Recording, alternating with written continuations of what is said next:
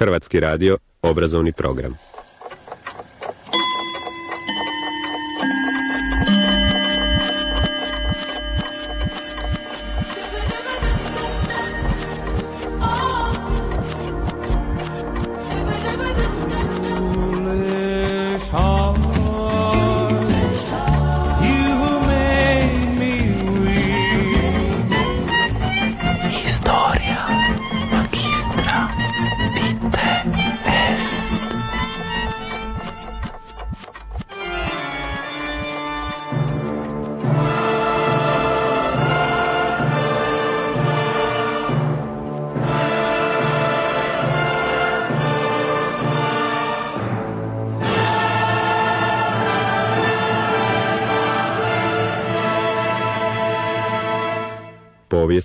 Četvrtkom.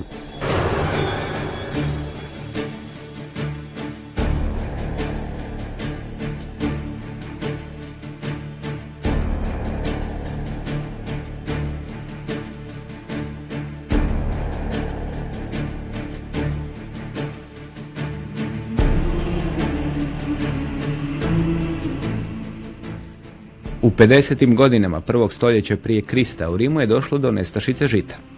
Jeftino žito bilo je ključno za mir u Rimu. Žito je davalo jeftini kruh, a kruh je uz igre bio jamac mira u Rimu, gdje su politički sukobi brzo mogli dovesti do krvavih sukoba u gradu. Usto već početkom prvog stoljeća prije Krista oko pola milijuna Rimljana primalo je besplatno žito. U tim 50. godinama u Rimu su se tri velika i moćna čovjeka borila za prevlast. Pompej, Kras i Cezar. I nestašica žita mogla je i onako usijanu situaciju u Rimu dovesti do krvoprolića. I zato je rimski senat Pompeju Velikom dao izvanredne ovlasti kako bi osigurao nesmetan dotok žita u Rim. Starogački povisničar Plutarh piše. Postavljen tako nadzirateljem organizacije opskrbe žitom, Pompej posla svoje predstavnike i prijatelje na razna mjesta, a sam otplovi na Siciliju, Sardiniju i u Afriku da sabire žito.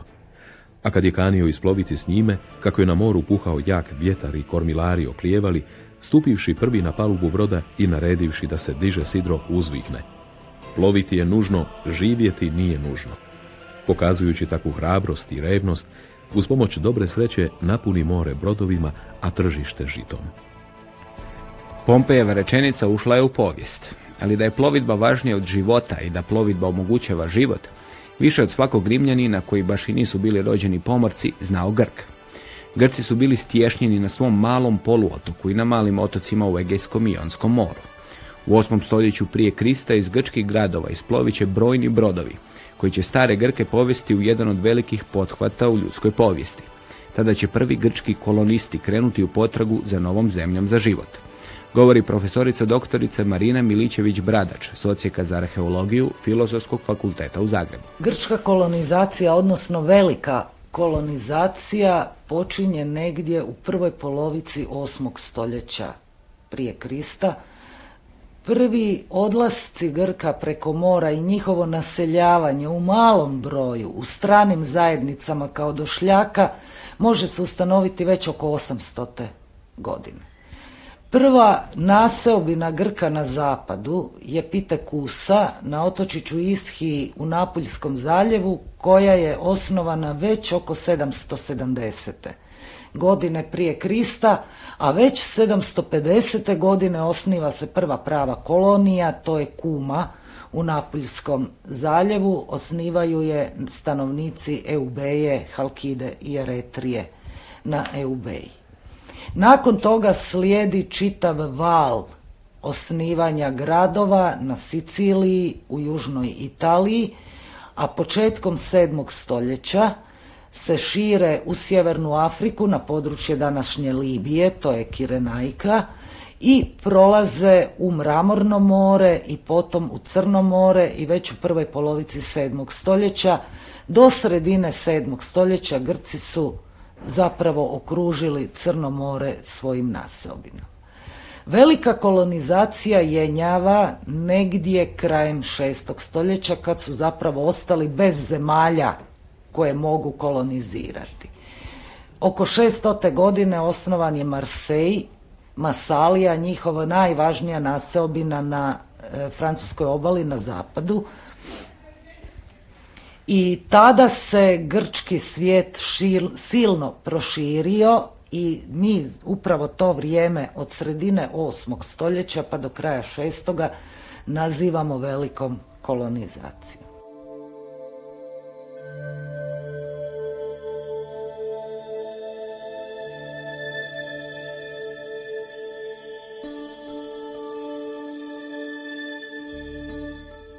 I prije 8. stoljeća prije Krista na području Grčke postojale su civilizacije koje su izlazile na more. Oko 3000. godine prije Krista na otoku Kreti stvara se prva europska civilizacija koja se mogla mjeriti s civilizacijama Bliskog i Srednjeg istoka i Egipta. Oko godine 2000. na Kreti počinje gradnja velikih palača. Oko tih palača nije bilo obrambenih zidova. Kreta je svoju sigurnost temeljila na činjenicama da je otok i da ima snažnu mornaricu. Istina je da su krećani bili na otoku okruženi morem, imali moćnu mornaricu i istina je da njihove palače su sve vrlo niske, silno široke, bez obrambenih bedema i vrlo blizu obale. Teorijski da je netko želio napasti i opljačkati te palače od njihovih brodova gdje bi pristali do palača nije daleko i to se moglo učiniti jednostavno. To nam govori da su se krećani osjećali vrlo sigurno u svojim palačama i da se uopće nisu brinuli za to hoće li ih netko napasti. Djelomično je to zbog njihove vlastite moći i njihovog brodovlja, a dijelom i zbog vanjsko-političkih, odnosno diplomatskih veza, odličnih veza koje su imali sa državama na Cipru, državama na levantskim obalama kao što je Ugarit i naravno sa najvećom silom tog vremena to je Egipat. Oni su s njima imali miroljubive i trgovačke odnose jako dobre i zbog toga su se osjećali sigurnima.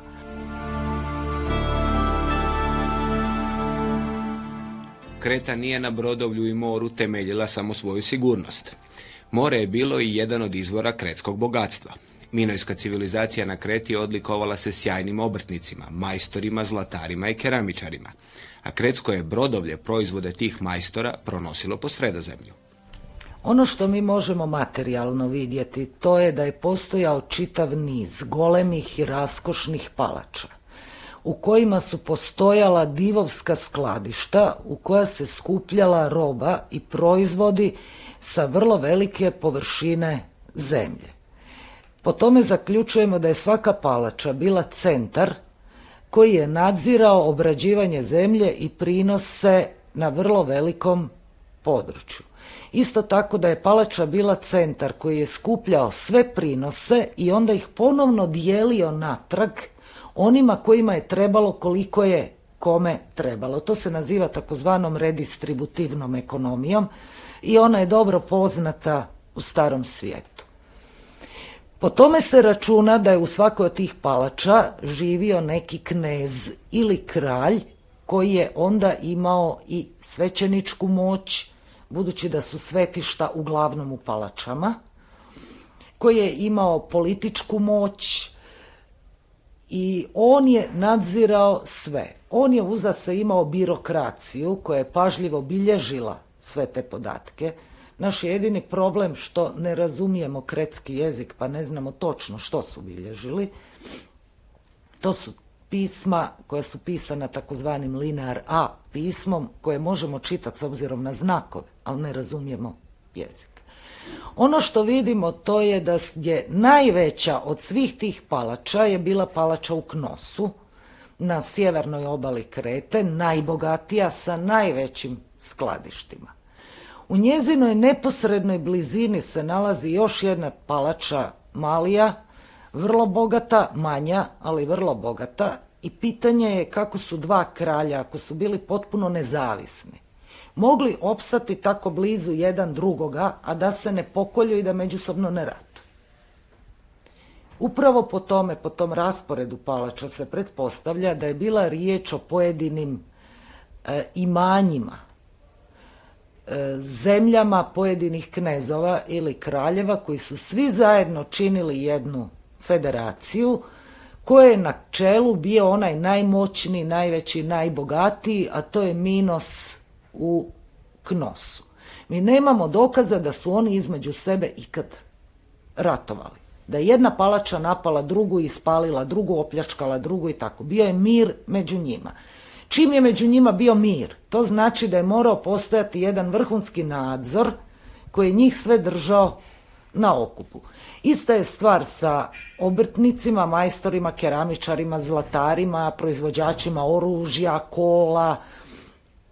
Oni su svi bili vezani uz pojedine palače, to možemo ustanoviti vrlo jednostavno po umjetničkim radionicama i po tome koja je ruka radila koju vrstu keramike i gdje je kakav materijal koncentriran. Po tome znamo da je svaka palača upošljavala svoje majstore, da su najbolji i da ih je najviše bilo u Knosu.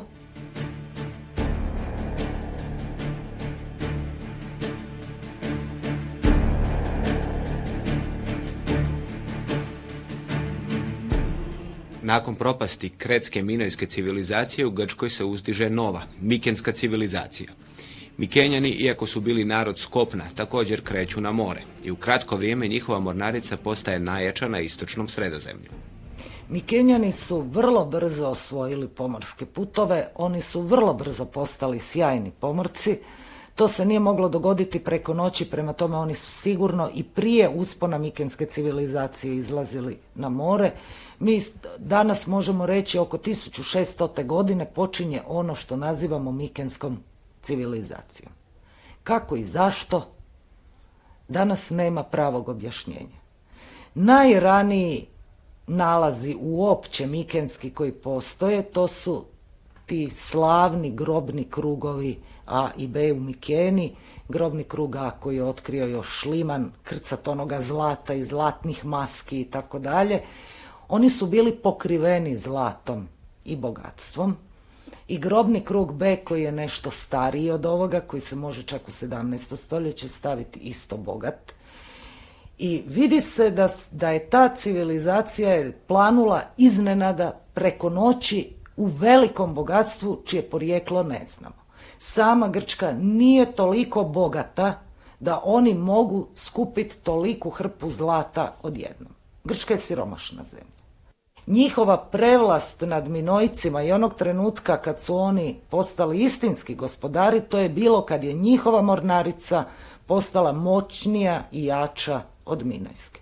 Onda su se lijepo iskrcali na kreti i od tog trenutka Minojci više ne igraju neku važnu ulogu. A to se vrlo lijepo vidi u grobnicama u Egiptu, u Telelamarni, u 14. stoljeću, gdje su naslikane grobnice za velikog vezira i gdje su bili prikazani minojci u onim karakterističnoj kretskoj odjeći kako nose kretsku keramiku egipatskom faraonu na poklon. A onda su te freske prebrisane i umjesto njih su nacrtani mikenjani kako nose mikensku keramiku faraonu na poklon. Znači, egipatski faraon je bio svjestan da je jedna sila prestala igrati ulogu i da sad treba komunicirati sa drugom. A na svom vrhuncu, a to je kraj 14. i prva polovica 13. stoljeća, kad je Mikena na vrhuncu, Mikenski brodovi plove. Od Helesponta, današnjih Dardanela, znači na ulazu u Mramorno more, pa do zapadnog sredozemlja, oni su sigurno na Malti, oni su sigurno na Siciliji, a postoje naznake da su dolazili sve do Španjolske. Postoje naznake da su prošli kroz Mramorno more i ušli u Crno more, iako to ne možemo nepobitno dokazati. Ali na njihovom vrhuncu oni su sigurno prva pomorska sila na istočnom sredu. Grčka obala je tako razvedena i nazubljena da je teško naći na mjesto koje je više od 60 km udaljeno od mora. Kopneni putovi nisu bili najbolji. Putovanje po prašnjavim cestama dodatno je otežavala činjenica da je Grčka ispresjecana planinama i brdima. Zato su se pustolovi, poduzetnici i trgovci okrenuli moru. Grčki pjesnik Hesiod pjeva o tome da su trgovci zarađivali za život na moru, jer prihod znači život siromašnim smrtnicima. Starogrčki povjesničar Herodot opisuje jedno putovanje trgovaca s grčkog otoka Sama. Otok Sam nalazi se ispred današnje zapadne obale Turske, a Heraklovi stupovi su grčko ime za Gibraltarska vrata. Jedan samski brod, kad je plovio za Egipat, vjetar nanese na otok Plateju ispred Libije. Oni isplove s toga otoka na more i nastave plovidbu prema Egiptu, ali ih zahvati istočni vjetar. Kako vjetar nikako nije popuštao, oni prođu kroz Heraklove stupove i dođu po Božjoj volji u Tartes. To je u to vrijeme bilo još slabo posjećeno tržište, tako da su, koliko se ja sjećam, kad su se vratili, bolje prošli i više zaradili nego ostali Heleni, osim, razumije se, Sostrata, Laodamantova sina iz Egine, jer njemu ne može nitko biti ravan. Samljani uzmu desetinu od zarade, zapravo šest talenata, i naprave jedan brončani vrč, oko čije gruba su bile urezane orlovske glave. Poklonili su ga Herinom hramu i ispod njega stavili tri klečeća diva od bronce, čija je visina iznosila sedam lakata. Hesiod u svojoj pjesmi dodaje da je strašna sudbina umrijeti među valovima. Grci su rijetko plovili po zimi. Noću bi, kad god bi mogli, zaustavljali plovidbu i privezivali svoj brod za obalu. A tu je bila i stalna opasnost od gusara. Ali za Grke plovidba je bila nužna za život. Zašto dolazi do velike kolonizacije, danas je gotovo nemoguće reći. Zbog toga jer ne postoji generalna priča, ne postoji jedan razlog koji je bio povod svim osnivanjima kolonija. Svaki grad je priča za sebe, svaki ima neke svoje unutrašnje razloge. E, pretpostavlja se da je jedan od najvažnijih razloga za veći broj gradova bio nedostatak zemlje u domovini, preveliki porast pučanstva na premalo zemlje i višak stanovništva je onda išao preko mora osnivati novi grad. Najranije naseobine za koje znamo na zapadu to je Pitekusa, na Crnome moru to je Berezan, na sjeveru Crnog mora otočić Berezan, one su vjerojatno osnovane zbog sirovina. Grčkoj matičnoj su tragično nedostajale u prvom redu željeza, kao najvažnija tadašnja sirovina. Tragično su joj nedostajale drvo za gradnju brodova, jer do 8. stoljeća matična Grčka je već uvelike devastirana, šume su posječene, e, ostalo je malo šuma u Arkadiji i to je sve. Grčka nema dovoljno drveta za brodove. Neki bi put grčki kolonisti, barem u početku, bili u mirnim odnosima sa stanovništvom koje su zatekli u kolonijama. A nekad su se za koloniju morali boriti. Pauzanija, grčki putnik iz drugog stoljeća i pisac vodiča po Heladi, ovako je opisao osnivanje Tarenta, kolonije na jugu Italije. Lakedemonjani su kolonizirali Tarent, a osnivač grada bijaše Spartanac Falant. Određen da vodi kolonizacijski pohod, Falant je iz Delfa primio proročanstvo da će, kad bude osjetio kišu iz vedra neba, zauzeti jedno područje i jedan grad. U tom trenutku on nije osobno ispitao značenje proročanstva i propustio je priliku da dobije tumačenje od jednog među posvećenima. Na čelu brodovlja iskrcao se u Italiji. Tu je odnio mnoštvo pobjeda nad domorocima, ali nije uspio zauzeti neki grad, niti učvrstiti svoju vlast nad nekim područjem. Tad se sjeti proročanstva, govoreći kako mu je Bog prorekao nemoguću stvar, jer nikada neće biti kiše iz čistog i vedrog neba.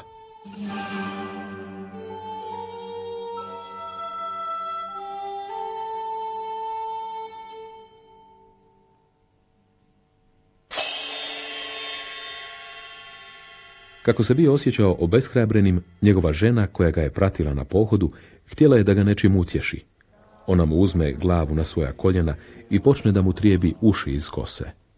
Tijekom toga posla, kako je mislila na svojega muža, čiji se položaj nije poboljšavao, iz milosti prema njemu ona se obli suzama.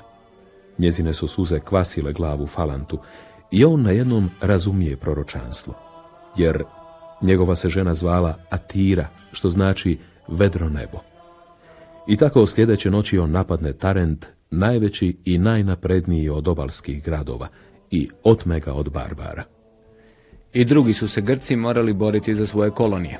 Kolonisti s otoka Parosa iskrcali su se na otoku Tasosu ispred obale Trakije. U Trakiji je živjelo ratoborno stanovništvo kojemu se nije svidio dolazak Grka na njihov teritorij. Ali u Trakiji su u Pangejskom planinskom lancu bili rudnici zlata i srebra i parani su se dugo borili s Tračanima kako bi obranili svoju koloniju i proširili je na kopno, jer Grčkoj su trebale sirovine. E, nedostaju je plemeniti metali, zlato, e, srebro. Srebra ima u rudnicima u Lauriji u Atici, ali ne dovoljno.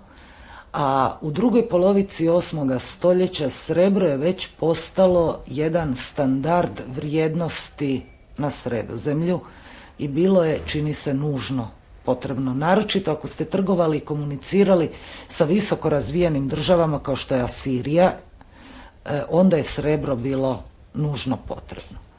Bilo je Grčkoj potrebno žito. Grčka nema toliko obradivih površina, a pogotovo nakon deforestacije kada erozija ogoli veći dio tla, e, žito postaje ključni problem. I problem žita u Grčkoj se već u 7. stoljeću čini se počeo rješavati uvozom žita iz kolonije. Tako da hrana, nedostatak hrane e, se smatra jednim od velikih motiva za odlazak preko mora. Nedostatak sirovina također. Za današnju se civilizaciju kaže da ne može bez nafte. Ako nestane nafte, zaustavlja se promet, privreda i trgovina. Grci s naftom nisu imali problema. Njihova je trgovina i privreda ovisila ili o 50 ako je riječ o jednoveslarki ili 170 veslača ako je riječ o troveslarki ili brodu s tri reda vesala. Ali za dugu plovidbu nešto je drugo bilo strateška sirovina. Kad je brod od kopna dosta udaljen, pušeli povoljan vjetar, digne se jedrilo koje dotle leži na konopima koji idu s njegova vrha k nosu broda te se zovu leta, pa se u grlu koje se nalazi u poprečnoj gredi što u sredini broda u visini veslačkih klupa spaja oba njegova boka, učvrsti, a onda se na križu digne jedro, koje drže dva za donjemu krajeve privezana konopa, te se prema jakosti vjetra može nategnuti ili popustiti. Za okretanje jedara služe konopi što su privezani za oba kraja križa. Među sirovinama koje su dolazile, na primjer, sa crnomorskih obala, Polibije nabraja kožu, velike količine kože, nabraja lan, a u antičko vrijeme lan je strateška sirovina. Ono što je danas nafta, strateška sirovina, tako je u antičko vrijeme drvo i lan. Lan je bio nužno potreban za izradu jedara za brodove. I nijedan grad u Grčkoj nije mogao preživjeti bez brodovlja, nijedan brod nije mogao izaći na more bez dobrih jedara i najbolji lan je dolazio iz Egipta ili iz Kolhide, to je današnja Gruzija na Crnom moru. Lan je bio životno pitanje svakog grada. Isto tako Katran, koji je služio za premazivanje brodova, i vosak koji je služio za mazanje jedara voskom. To su strateške sirovine. Bez njih nijedan grad nije mogao preživjeti. Prema tome potraga za lanom, konopljom za brodsku užad. Isto konoplja je užasno važna.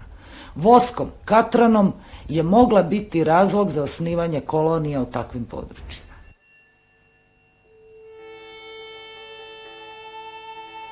Eufameito pasa i cer, que kai pontos kai pnoiai, ure a tempe a sigato, ejo i zongo i tornizon, Meleigar pros gemas vaini, foibos akersekomas euhaitas.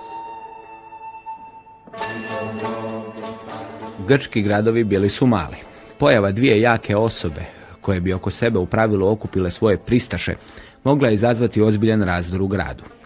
Kako grad ne bi pretrpio štetu ili kako ne bi došlo do krvoprolića, ti su se problemi nekako morali riješiti. Atenjani su imali svoj način, bio je to ostrakizam ili glasanje na glinenim crepićima. Ostrakizam nije bio kazna za zločin, nego se njime eufemistički nazivalo oslabljivanje i umanjivanje prestiža i moći koji su tištali državu. A stvarno je bilo obzirno ublažavanje zavisti kojim se davalo oduška zlonamjernoj želji da se napakosti ne nanošenjem nekakva nepopravljiva zla, nego udaljavanjem iz grada na deset godina. Postupak je da ga naznačimo u glavnim crtama, bio ovakav. Svaki građanin, Uzevši crepić i napisavši nanj ime onoga od sugrađana za kojeg je želio da se udalji iz grada, nosio ga je na jedno mjesto na trgu koje je bilo unaokolo ograđeno drvenom ogradom. Arhonti su pak najprije prebrojavali ukupan broj donesenih crepića. Ako je zbroj glasača bio manji od šest tisuća, do ostrakizma nije dolazilo. Razdijelivši zatim napose glasove po imenima, onoga čije je ime bilo napisano na najvećem broju crepića, oglašavali su prognanim na deset godina, uz pravo da uživa prihode od svoga imetka. Ostrakizam je, prema starogrčkom filozofu Aristotelu, u Atenu uveo Klisten, oko 508. godine prije Krista. Prva zabilježena žrtva ostrakizma bio je Hiparh. On je 488. na 487. godinu prije Krista morao otići iz Atene jer su tako odlučili njegovi sugrađani. Prije ostrakizma problemi nastali u grčkim gradovima zbog političkih sukoba ili zavisti rješavali su se na ne tako profinjene načine. Govori profesorica doktorica Marina Milićević-Bradač, socijeka za arheologiju Filozofskog fakulteta u Zagrebu. S druge strane, neki gradovi osnivaju kolonije jednostavno zbog toga jer je u gradu došlo do političkih sukoba. Kraj sedmog i kraj osmog i početak sedmog stoljeća vrijeme su velikih političkih sukoba kad se sukobljava tradicionalna aristokracija koja podržava oligarhiju i novi sloj novih bogataša koji želi uvesti tu takozvanu demokraciju, iako je ne smijemo shvaćati onom smislu koji mi danas podrazumijevamo. Posljedice tih žestokih unutrašnjih sukoba u gradovima su te da stranka koja je izgubila u principu bježi iz grada i oni i njihovi pristalice osnivaju nove gradove. Takav je slučaj bio, uzmimo na u Mitileni, najvećem i najbogatijem gradu na otoku Lezbu, gdje je stranka koja je izgubila otišla na obale Crnoga mora, bili su prognani. S druge strane imamo političke protivnike, izdajice, koje grad jednostavno službeno progna. I šta će oni nego u kolonije.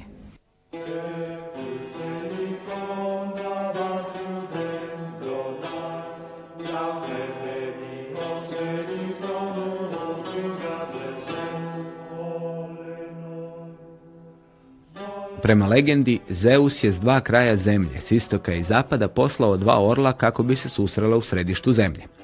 Orlovi su se susreli u mjestu Delfi i mjesto njihovog susreta obilježeno je kamenom, kojeg su Grci zvali Omfalos ili pupak svijeta.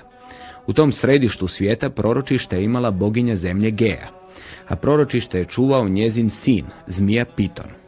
Kada je grčki bog Apolon ubio Pitona, na mjestu Gejinog proročišta sagradio je svoj hram, a u hramu je prorokovala Pitija. Iz cijelog grčkog svijeta u Delfe su dolazila izaslanstva gradova, koja su tražila Pitijin savjet o gradskim poslovima. A prema starogrčkim piscima Pitija je potaknula i neka osnivanja kolonija. Herodot, otac povijesti u svojoj historiji piše. Esanijev sin Grin, jedan potomak Terata i kralj otoka Tere, došao je u Delfe i donio iz svoga grada Hekatombu, veliku svečanu žrtvu. S njim su došli i drugi stanovnici Tere. Za vrijeme proricanja kralju Stere, Grinu, Pitija je između ostalog savjetovala da osnuje jedan grad u Libiji. Ovaj joj odgovori ovo. Gospode, ja sam već prilično star i teško se krećem, pa zato zapovjedi nekom mlađem da to izvrši. Dok je to izgovarao, on pokaže prstom na bata. Time se to tada i završilo. I kad su se vratili kući, nisu ni spominjali proročanstvo a pošto nisu znali ni gdje je, ni kakva je zemlja Libija, nisu se ni usudili da za ljubav nejasnog proročanstva šalju koloniste. Sedam punih godina poslije toga nije na teri bilo kiše i na otoku se posuši sve drveće osim jednog. Kad su se zbog toga stanovnici Tere obratili proročištu, ono im opet predloži da osnuju koloniju u Libiji. Kako stanovnici Tere i dalje nisu znali gdje je Libija, poslali su na Kretu izaslanstvo kako bi se ono raspitalo gdje je Libija. Na Kreti su naišli na nekog korobija, lovca na purpurne školjke, koji im je rekao da ga je jednom nevrijeme bacilo na otok Plateju, ispred Libijske obale. Terani su platili korobiju da ih odvede na taj otok. Kada su stigli na Plateju, Terani su obskrbili korobija s hranom i ostavili ga na otoku dok se oni ne vrate na Teru i ne izvijeste sugrađane o mjestu za koloniju. Kad su Terani ostavili Korobija na otoku i došli na Teru, jave da su zauzeli jedan otok na obali Libije. Terani odluče da od dva brata, gdje ih bude bilo, kockom odluče koga će poslati iz svih sedam mjesta na otoku, a da im bat bude vođa i kralj. Poslali su i dvije ratne lađe s 50 vesala na plateju. Uz ovakve nadnaravne poticaje za kolonizaciju postojali su oni puno zemaljskiji. Problemi s viškom muške djece, problemi oko nasljeđivanja i problemi oko ženitbe potaknuli su mnoge koloniste da svoj dom potraže na obalama sredozemlja. Imamo situacije gdje jednostavno gomile mladih ljudi u matičnom gradu nemaju egzistenciju. Zbog toga jer po tadašnjim običajima i zakonima ta već mala i siromašna imanja je nasljeđivao najstariji sin. Ona nisu mogla prehraniti niti njegovu obitelj, prema tome nisu se mogla cijepati. Mlađi sinovi nisu imali egzistencije. Oni su mogli ili u plaćeničku vojsku, a jako puno ih je odlazilo u plaćenike, ili preko mora osnivanje novih gradova. To je mlađim sinovima bila, na primjer, jedina šansa da osnuju obitelj. Oni nisu mogli e, skupiti dovoljno materijalnog bogatstva za ženu u svom kraju. Oni su odlazili preko mora i tamo su sklapani brakovi sa ženama iz domaćeg stanovništva i ta razmjena žena je jedan od jako važnih aspekata života u kolonijama. Jako puno muškaraca je odlazilo sami u kolonije, dobrim dijelom u potrazi i za ženama. U domovini je to njima bio veliki problem.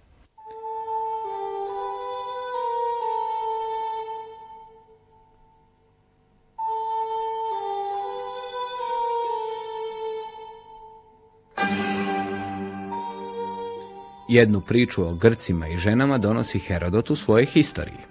Atenjani koji su krenuli iz Atenskog Pritaneja i koji su mislili za sebe da su najčistiji jonjani, nisu poveli žene u novu naseobinu, nego su uzeli karanke, čije su roditelje poubijali. Zbog tog ubojstva ove su žene stvorile običaj i prisegle među sobom i to predale kao zavjet svojim kćerima. Da nikada ne objeduju zajedno s muževima, niti da svoje muževe zovu po imenu, a to sve zbog toga što su im poubijali očeve, muževe i djecu. I poslije svega toga opet ih uzeli za žene. To se dogodilo u Miletu. Milet je bio jedan od najznačajnijih grčkih gradova u Joniji. To je današnja obala Anadolije u zapadnoj Turskoj. Milet je i sam poslao svoje građane u više od 60 kolonija na obalama Crnog mora. Milet je osnovao i jednu grčku koloniju u Egiptu. Veliki broj plaćenika koji su po Bliskom istoku za novac ratovali za koje kakve gospodare, su za nagradu dobivali, na primjer, pravo da se nasele. Takav je slučaj sa plaćenicima iz Jonije, sa otoka Sama, iz Mileta, Efeza, Smirne, koji su ratovali za plaću za egipatskog faraona Psametika I i pomogla, grčka vojska mu je pomogla da istera Asirce iz Egipta. Nakon toga Psametik je krajem 7. stoljeća tim plaćenicima dao grad na Ukratisu, delti Nila, da tu žive i slobodno trguju. I tako su na Ukratis koloniju Grčku, Jonsku, u delti Nila osnovali u biti plaćenici koji u svojoj domovini nisu imali prave egzistencije.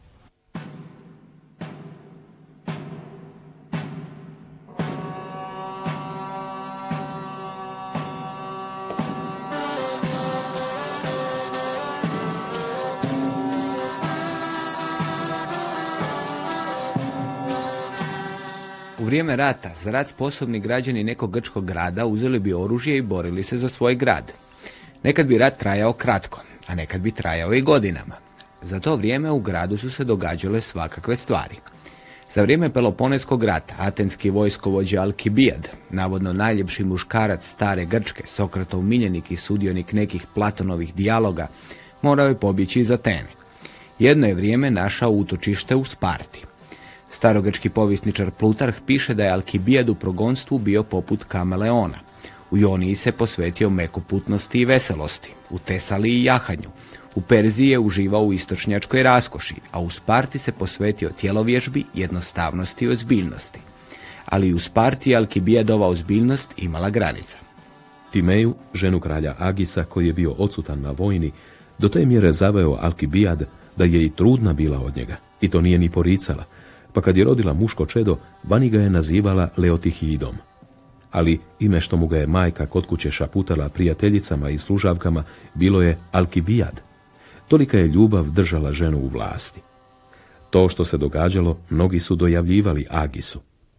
On tome ponajviše povjeruje izračunavši vrijeme, jer kad je došlo do potresa, u strahu je istrčao iz ložnice i zagrljaja svoje žene, a zatim deset mjeseci nije imao s njom odnosa. Pa kako se Leotihida rodio po isteku toga vremena, Agis obznani da to nije njegovo dijete. Leotihidi je kasnije bilo uskraćeno nasljedstvo Spartanskog prijestolja, a takve se situacije nisu događale samo u kraljevskoj obitelji. Onda se postavlja pitanje, a što napraviti s izvanbračnom djecom? I onda dolaze koje kakve posebne priče pojedinih gradova, kao što je na primjer priča iz Sparte, gdje su svi muškarci e, ratovali dugo godina u takozvanim mesenijskim ratovima i nije ih bilo deseta godina kod kuće i kad su se vratili kući u Spartu našli su hrpu djece koja nisu bila njihova. Za vrijeme deset godina njihovog odsustva izrodilo se jedna gomila vambračne djece, s kojom onda nisu znali što bi, pa su ih lijepo pokrcali na brodove i osnovali Tarent u južnoj Italiji. Tako da i ta situacija da se čovjek mora riješiti nepočudnog potomstva, jedne hrpe nezakonite djeca, što ćete s njima nego u koloniji. Postojali su i čisto komercijalni razlozi E, Fokejci su bježali pred Perzijancima. Jednostavno su bježali pred pritiskom iz zaleđa i kako su imali jednu od najmoćnijih flota tadašnje Grčke, pokrcali su sve žene, djecu, sve što su imali na brodove i krenuli prema zapadu pa gdje ih prime. Etrušćani im nisu dopustili naseljavanje u Etruriji, E, Feničani i Etrušćani zajedno su držali Sardiniju, izbacili su ih odatle i jedini prazan prostor koji su imali bio je još zapadniji od Feničana i Etrušćana, to je bilo ušće Rone i tako su oko 600. godine osnovali Masaliju koja je živjela na činjenici da se nalazi na krajnje točki takozvanog kositrenog puta koji je preko engleske doline Sene i Rone prevozio kositar prema sredozemlju i to je bio kraj jantarnog puta kojim je Baltički jantar iz Jutlanda također dolazio prema dolini Rone i onda prema e, sredozemlju. E, tako da egzistencija Masalije je egzistencija iz komercijalnih razloga. E, zbog toga je vrlo teško reći zašto su Grci osnivali kolonije. Svaki grad je imao svoje razloge. Jedni su bježali pred ratom, drugi pred političkim previranjima, treći su tražili zemlju, četvrti sirovine, peti su išli za trgovinom i onda je opće pitanje kad su svi išli zašto Atena nije. Eto nije. U vrijeme velike kolonizacije najveći i najbogatiji grad Atena nije uopće sudjelovao u kolonizaciji. Nisu imali potrebe za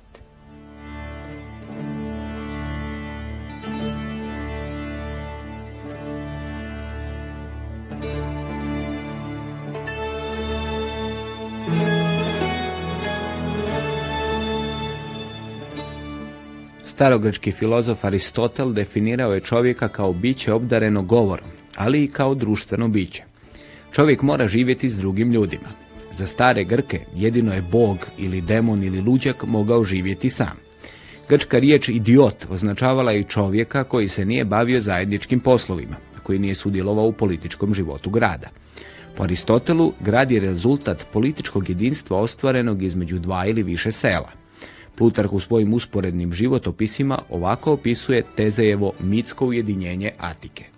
Poslije Egejeve smrti, Tezej, zamislivši veliko i divno dijelo, ujedini sve žitelje Atike u jedno gradsko središte i učini jedan narod od onih koji su bili dotada rasijani i teško ih je bilo sazvati da vijećaju o općem dobru, a kad kad su se da pače čak svađali i ratovali međusobno.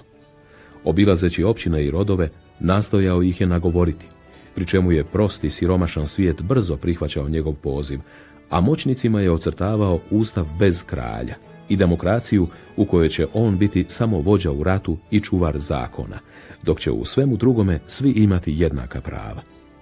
Ukinuvši dakle posvuda uredovne zgrade, vijećnice i poglavarstva, pa sagradivši za sve zajedničku uredovnu zgradu i vijećnicu, ondje gdje sada stoji stari grad, prozove grad Atenom. Nastanak i razvitak polisa isto se tako kao i kolonizacija ne može objasniti na jedan jedini mogući način. E, tragove, zametke onoga što će kasnije biti polis, nalazimo već u prvoj polovici osmog stoljeća. Mi to možemo prepoznati u arhitekturi. Kad mi vidimo jedan grad koji se sastoji od nakupina manjih kuća, kuća koje su dostatne za jednu nuklearnu obitelj od 5, 6, 7 članova, ali ne više od toga, i koji ima ulice i onda jedan veliki središnji trg u sredini toga grada, mi možemo pretpostaviti da to nije samo građanski način života, nego i građansko uređenje u kojemu e, skupština igra važnu ulogu. A to mi primjećujemo u arheologiji, u gradovima koji su nam poznati već u prvoj polovici 8. stoljeća. Najljepši je primjer, na primjer, Prinijas na Kreti, gdje se to točno može pratiti kako od palače postaje hram, a čitav se život prebacuje na gradski trg. E, to se može vidjeti čak u Ateni, gdje kraljevska palača na Akropoli postaje isključivo kultno mjesto i mjesto štovanja Božice Atene, a čitav politički život se prebacuje na Agoru. To je postepen proces. On ide polako, on se ne događa preko noći. Grčka riječ polis ima više značenja. Kad kad označava gradsko naselje, kad kad političku jedinicu, grad državu, a kad kad i skup građana koji čine jedno političko tijelo. Kad grčki pisci upotrebljavaju riječ polis, pod njom podrazumijevaju političku zajednicu koja predstavlja temelj grčkog svijeta i koja uz grčki jezik razlikuje Grke od svih ostalih naroda, koje su Grci nazivali barbarima. Drugi mogući razlog su komercijalni razlozi kad se pojavljuju novi kriteriji bogatstva. Kad se zbog ekonomske moći, silnog povećanja opsega trgovine i povećanja materijalnog bogatstva, stara aristokracija koja je svoje pravo e, uzimala na temelju svoje krvne linije, krvnog nasljeđa, i svog posjedovanja zemlje iznenada uzmiče pred novom aristokracijom koja je svoje bogatstvo stekla na moru. Tu dolazi do sukoba i ova nova aristokracija, pomorska, uvjetno je nazovimo, preuzima onaj donji dio grada i kako njih ima više sastaju se na trgu, osnivaju skupštinu i samim time nastoje razvlastiti onog bivšeg vlastodržca kralja ili poglavicu koji je bio. To je također postepen proces. Istina je zadnjih deseta godina se smatra da je osnivanje kolonija koje je počelo prije nego što se razvijaju institucije polisa u domovini, moglo utjecati upravo na razvitak polisa u matičnoj Grčkoj. Kolonije dolaze u strani teritoriji, one se moraju braniti oružjem u većem dijelu slučajeva, međutim kolonija određuje točan površinu zemlje koje posjeduje svaka obitelj, e, određuje im površinu zemlje unutar grada gdje će napraviti kuću i svaka obitelj u koloniji ima svoje pravo glasa. I samim time se umjesto kralja pojavljuje nova institucija gradske skupštine koja u kolonijama koje su zaista zatvoreni svjetovi sami za sebe počinje upravljati pretpostavlja se na dobrobit svih, iako nama grčki natpisi pokazuju da su svi bili podmitljivi, potkupljivi i ne baš uvijek pošteni. Grad je morao imati zajedničke zgrade iz kojih se vodio život grada i morao imati prostor za okupljanje građana. Ako to nije imao, nije ni bio grad. Pa Pauzanijin opis jednog grada u Fokidi pokazuje prezir Grka prema gradu koji nije imao ono što jedan grad mora imati. Na 20 stadija od Heroneje nalazi se grad Panopejaca, ako mogu da se nazovu građanima ljudi koji nemaju ni upravnih prostorija, ni vježbaonice, ni kazališta, ni javnog trga, ni vodovoda za česmu, i koji žive tamo na ivici jedne jaruge, u kolibama upola ukopanim u zemlju, kao što su kolibe divljaka. Ipak im je područje ograničeno u odnosu na područje njihovih susjeda i oni šalju izaslanike u Saveznu skupštinu Fokide. Najzad, oni pričaju da ime njihovog grada potiče od imena oca Epeja. Dakle, grad je morao imati zajedničke zgrade, prostor za javno okupljanje, morao imati politički sustav priznat u Grčkoj i barem nekakav mitski početak. Atena je imala Tezeja, a panopejci su imali Epeja, graditelja trojanskog konja. Treće, isto tako moramo napomenuti da je osnivanje gradova država generalna pojava na cijelom sredozemlju u 8. stoljeću. U Grčkoj se oni nazivaju polis i predstavljaju posebnu političku instituciju. U Sjevernoj Africi su također primjetne takve jedinice, njihove političke organizacije su drugačije, oni su i dalje klanske organizacije s elitom na čelu, ali teritorijalno se ponašaju kao gradovi države, kao polis. Takva je situacija u Maloj Aziji, takva je situacija, na primjer, u Kolhidi na Crnom moru, a može se pratiti u Galiji, u Germaniji, među Keltima, gdje se da primijetiti upravo te lokalne e, organizacije koje možemo uvjetno nazvat gradovi države. Tako da je to jedan generalni e, generalni smjer događanja na, na čitavom europskom području, ne samo u Grčkoj. Na kraju krajeva u Rimu se u 8. stoljeću uzdiže grad država. Istina Bog s kraljem na čelu, ali samo svojna institucija koja se odvaja od Alba Longe kao posebna, kao poseban entitet. E, isto tako jedna od trgovačkih teorija kaže kad trgovina naglo povećava opseg i kad mreže trgovačke postaju vrlo guste, onda se tržište počinje fragmentirati. Zbog toga jer nitko nije u stanju nadgledati cjelokupnu mrežu. Nego se ona fragmentira na onolike dimenzije dok se može kontrolirati iz jednog centra. Kad je ta mreža intenzivna i silno gusta, jedan centar ne može pokrivati više od prosječnog teritorija grada države koji u Grčkoj iznosio nekih 40 kvadratnih kilometara. Atena je izuzetak. Njezinih 150 kvadratnih kilometara je veliki izuzetak za Grčku. E, isto tako jedna nam teorija kaže da je grad država, odnosno polis kao ideja politička nastao u Joniji na u Maloj Aziji i to zbog toga što je tamo konfiguracija terena takva da je svaki grad imao mali, malu površinu obradivu, odvojeno od onoga drugoga grada vrletnim gotovo neprelaznim planinama. Pa da su već zbog same geografije morali osnivati gradove države jer preko planina se nije moglo nikoga kontrolirati. Tako da i ta mogućnost postoji. Tako da kad bismo govorili o nastanku polisa, o vezama kolonija i polisa, onda možemo reći da postoji isto toliko tumačenja koliko ima i situacija.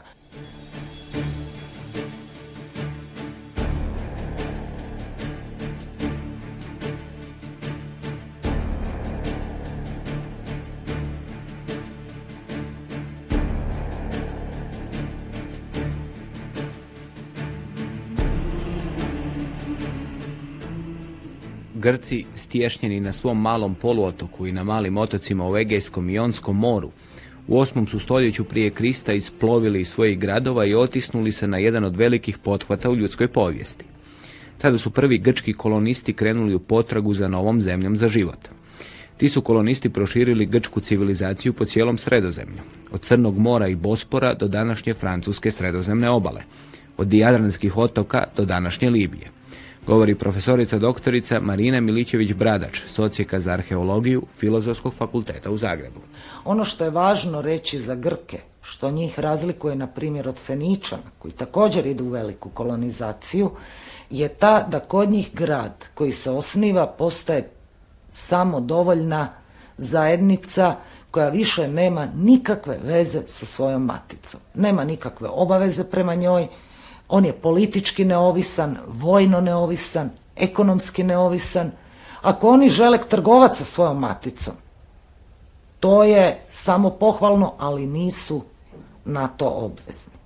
Feničani pak zaista stvaraju ispostave svojih gradova na, na zapadu.